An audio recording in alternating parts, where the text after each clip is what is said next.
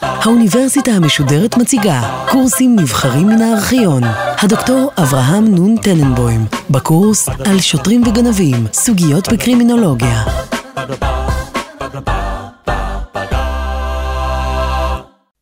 בשיחתנו היום נדון ביחס שבין דרכי ענישה למה שמכונה הרגישות התרבותית או הרגישות החברתית. והיינו רוצים לפתוח בשתי שאלות שהן בעצם פנים שונות של אותה בעיה. השאלה הראשונה קשורה למרכזיותו של עונש המאסר בחברה המערבית המודרנית. מעטים יודעים זאת, אבל בפועל עונש המאסר הוא עונש חדש מאוד יחסית, וכל כולו לא יותר מאשר 200 שנה בערך. עד לסוף המאה ה-18, מאסר כעונש לא היה קיים. צריך להדגיש, היו אנשים שלפני משפט שמו אותם במאסר, או בעלי חובות שניסו לכפות עליהם תשלום באמצעות מאסר. אבל כעיקרון, מאסר לא היה ידוע כעונש. היום, לעומת זאת, העונש המרכזי בכל המדינות המערביות הוא מאסר, ורק מאסר. זה לא רק העונש המקובל, אלא במקרים רבים זה העונש הבודד. צריך לשים לב שזה לא עונש אידיאלי. מדובר בעונש שהוא יקר להחריד, משהו כמו 8,000 שקל לחודש במחירי שנת 2001. עונש שמתיחה עליו ביקורת רבה, על חוסר יעילות, על חוסר צדק, ועוד ועוד. השאלה שאנחנו רוצים לשאול היא, איך קרה שתוך תקופה של 150-200 שנה, עונש שבכלל לא היה קיים, צמח למדרגה כזו שהיום הוא כמעט העונש היחידי? השאלה השנייה קשורה לעונשים שלפני התקופה המודרנית. באותה עת, העונשים המקובלים היו בעיקרם עונשי גוף. אני רוצה לצטט תיאור של גזר דין מוות שהוטל בשנת 1757 על אחד בשם דמיין, שניסה ברוב חוצפתו להתנקש בחיי המלך לואי ה-15. אני מתנצל מראש על התיאור הלא נעים לשמיעה, אבל הוא מבוסס על עובדות מתועדות מאותה תקופה. ציטוט, הוא יילקח בעגלה בלא מלבושים מלבד חולצה, מחזיק בידו לפיד של שעווה בוערת, שוקלת שתי ליברות עד לגרדום. שם ייקרע בשרו מחזהו, ידיו, ירחיו ושוקיו, בעזרת מלקחיים מלובנות. ידו הימנית שהחזיקה את הסכין תישרף בגופרית, ועל המקומות מהם נקרע בשרו ישפכו עופרת מותכת, שמן רותח, שרף בוער וגופרית מעורבבת עם שעווה. לאחר מכן, בעודו חי כמובן, יקשרו גפיו לארבעה סוסים, שימשכו אותו לארבע רוחות השמיים ויקראו אותו לגזרים. גזריו יישרפו באש, ואפרו יפוזר ברוח. יש לציין שכמה בעיות טכניות העיבו על ביצוע גזר הדין כפשוטו. ראשית, למרות שהכינו מלקחיים מיוחדות לביצוע גזר הדין, התליין לא הצליח לקרוא את גזרי הבשר באמצעותם. מחוסר ברירה הוא נאלץ להשתמש באלתורים. שנית, ארבעת הסוסים לא הצליחו במשימתם. נעשה ניסיון להגדיל את מספרם לשישה, אך גם אלו לא הצליחו לקרוע את גוף העבריין. בסופו של דבר נאלצו לחתוך את גופו בלא סוסים עם סתם סכינים.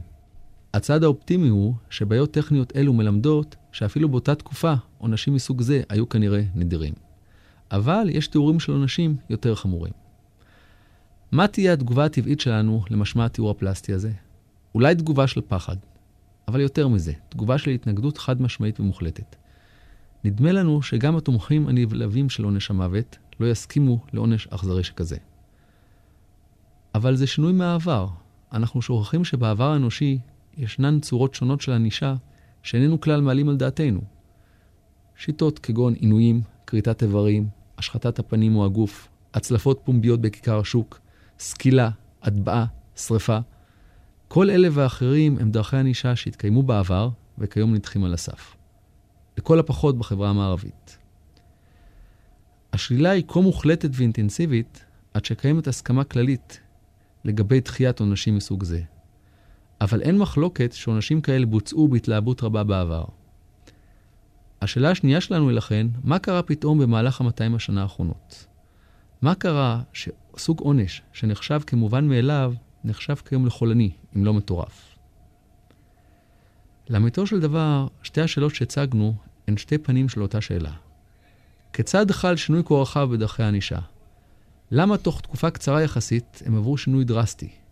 איך עברנו במהירות כזו מעונשים גופנים אכזריים לעונש מאסר גורף? כרגיל בקרימינולוגיה, יש לכך מספר תשובות. אנחנו נתרכז כיום בהסבריו של הסוציולוג נורברט אליאס, הקשורים למה שהוא מכנה הרגישות התרבותית. נקדים בקצרה כמה הערות על אליאס. אליאס הוא יהודי גרמני שבמלחמת העולם השנייה ברח לשוויץ ואחר כך לאנגליה. אליאס זכה לחיים ארוכים ופעילים. הוא נולד בשנת 1897 ונפטר בשנת 1990. עבודתו כוללת מאות ספרים, מאמרים והרצאות, ומשתרעת משנת 1924 עד לשנת 1989, בה כתב את ספרו האחרון. חיבורו הראשון, שבו פיתח לראשונה את רעיונותיו המרכזיים, יצא לאור לראשונה בגרמנית בשנת 1939. אבל לאנגלית הוא תורגם רק כ-40 שנה מאוחר יותר. כמו גם רוב הסוציולוגים הראשונים, וכמו דורקהיים ומרקס, גם הוא לא עסק רבות בפשע. אבל השלכות תורתו על התפתחות דרכי הענישה הן ברורות. בחיבורו המרכזי, העוסק בתהליך התרבות במרכאות של ההתנהגות האנושית, אליאס שואל בפשטות מדוע ואיך משתנה ההתנהגות האנושית. הוא התמקד בספרו בנימוסים המקובלים, ובדרך בה השתנו עם הזמן. בצורה דקדקנית, ותוך שימוש במקורות רבים, הוא מראה כיצד נורמות נימוס רבות השתנו במשך השנים. נורמות אלה כללו נימוסי שולחן, היחס להפרשות אנושיות, יחס לבעלי חיים, הדרכים הנאותות במרכאות למחיתת אף וליריקה, הדרך הנאותה במרכאות לדבר במחיצתה של גברת, היחס ללכלוך ולניקיון הגוף, ועוד מסוג זה.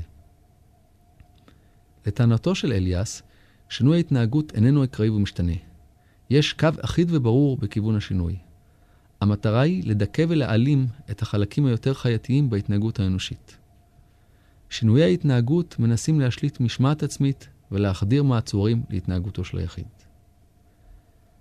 השינויים הללו נעשו באופן הדרגתי ומצומצם תוך מספר רב של שנים. לא תמיד הופיעו שינויים אלו בכל קבוצות האוכלוסייה במקביל.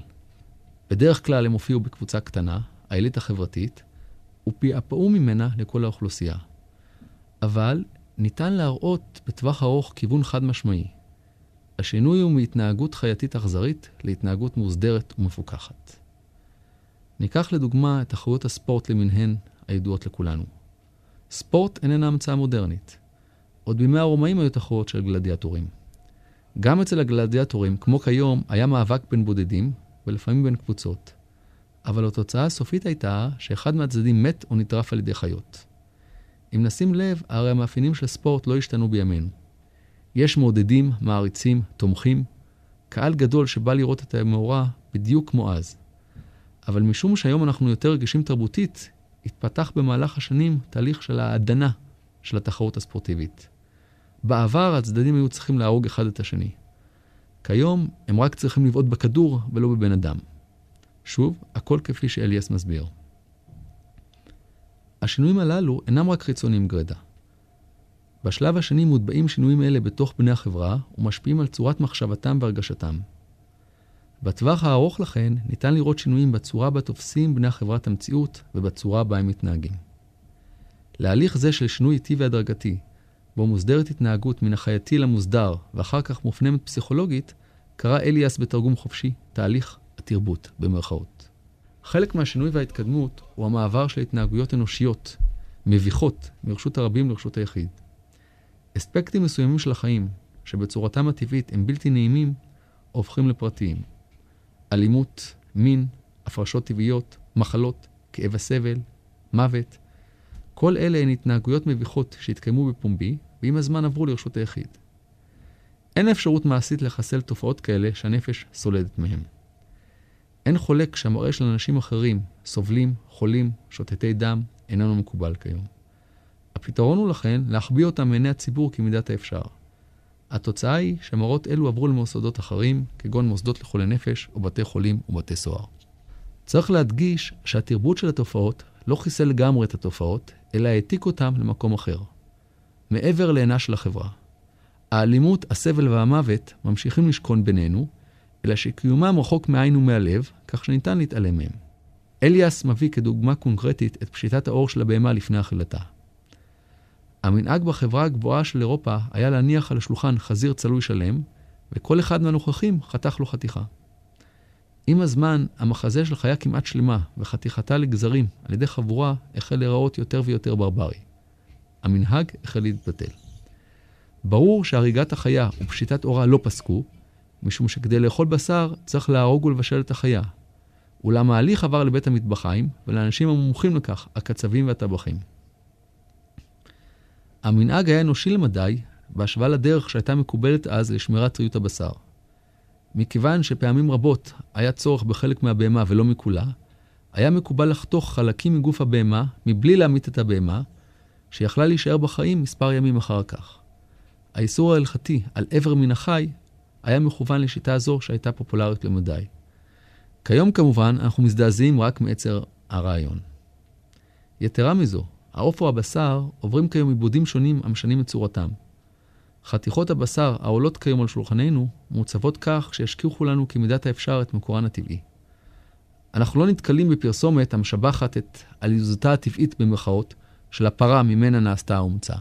המטרה היא להשכיח מאיתנו שהאומצה הייתה פעם פרה חיה ונושמת. אנחנו יכולים לראות את כל השלבים עליהם מדבר אליאס בדוגמה זו. ראשית, קיימת נורמה אנושית של בישול וצליית בשר, בצורה מזכירה לכולם את מקורו החי. אחר כך מתחילה התנהגות זאת להפוך לחסרת טעם ובלתי מקובלת בין אנשים תרבותיים, במרכאות. התנהגות, התנגדות זו מופנמת בציבור וגורמת לתחייה חזקה יותר, ועם הזמן הופכת הנורמה של בישול ואכילה ליותר מחסרת טעם, אלא להתנהגות שהנפש סולדת ממנה, ולפעמים אפילו נאסרת בחוק. תורתו של אליאס ניתנת ליישום גם לגבי ענישה פלילית, ואנו נבדוק זאת על ידי היחס המקובל כיום לענישה גופנית ולעונש המוות. נתחיל בענישה גופנית. בשנת 1983 יצא קרימינולוג אמריקאי ידוע למדי, בשם ניומן, בהצעה לשוב ולהשתמש בעונש גופני כתגובה לפשע.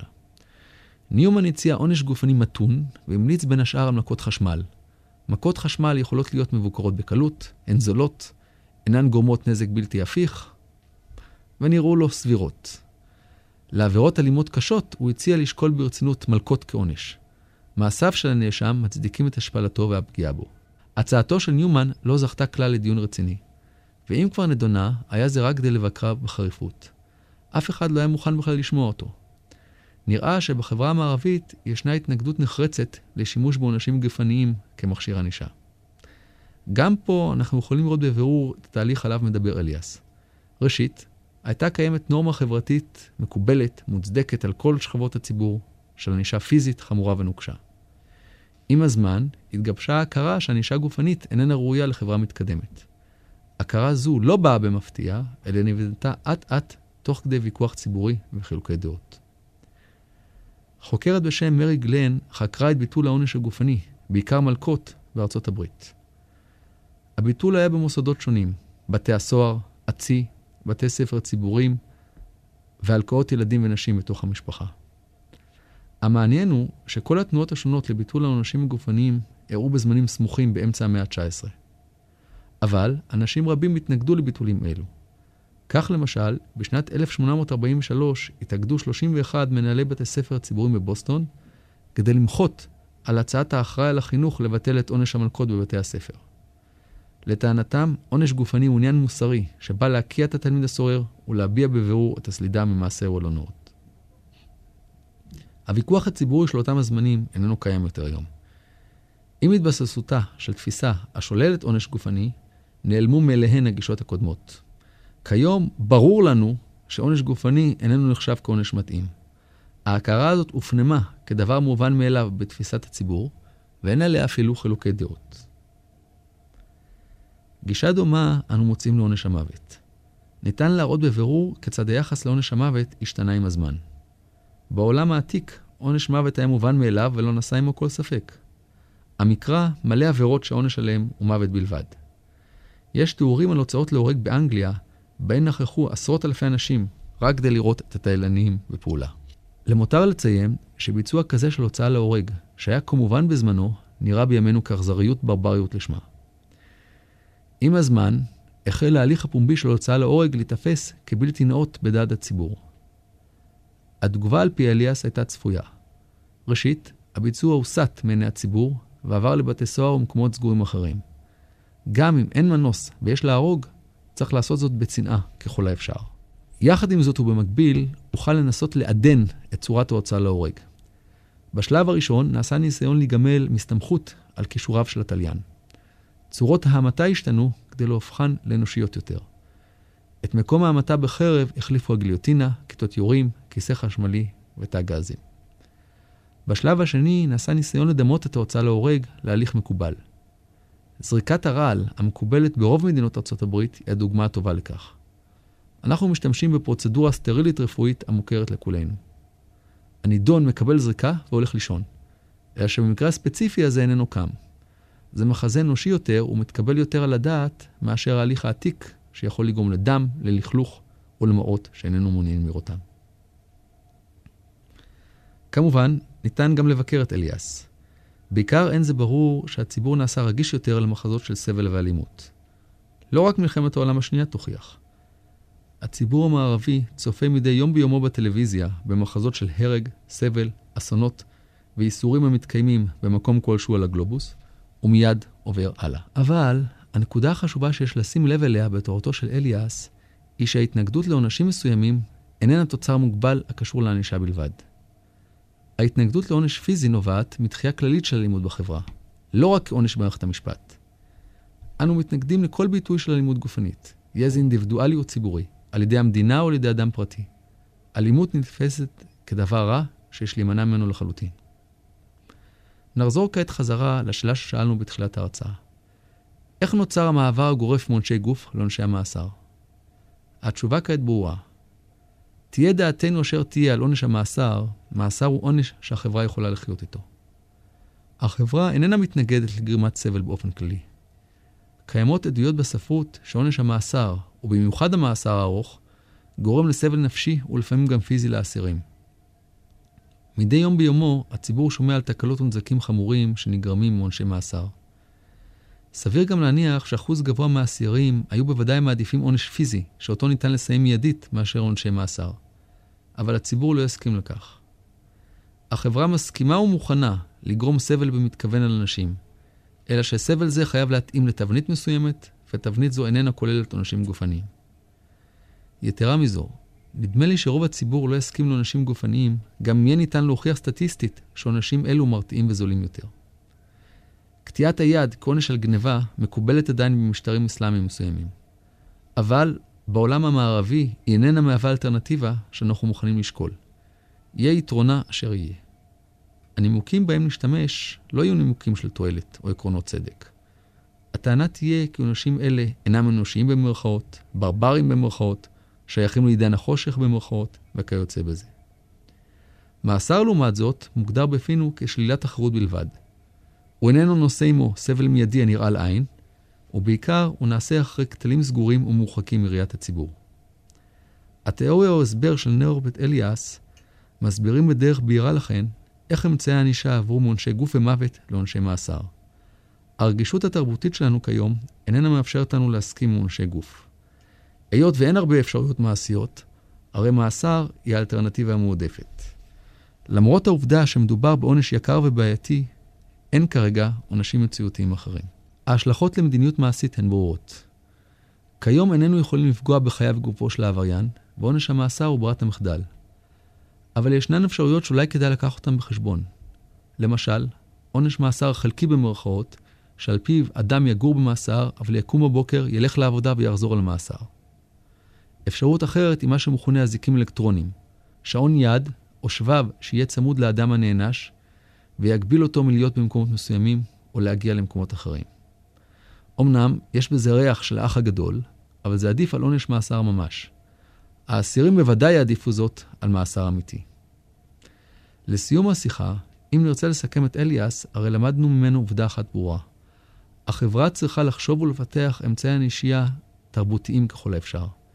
אמצעי ענישה שגם יהיו אפקטיביים כעונש וגם יעמדו בדרישות הרגישות החברתית. העובדה היא שכרגע אין הרבה כאלו מלבד בתי הסוהר, אבל רצוי מאוד לפתח אלטרנטיבות ומוקדם ככל האפשר.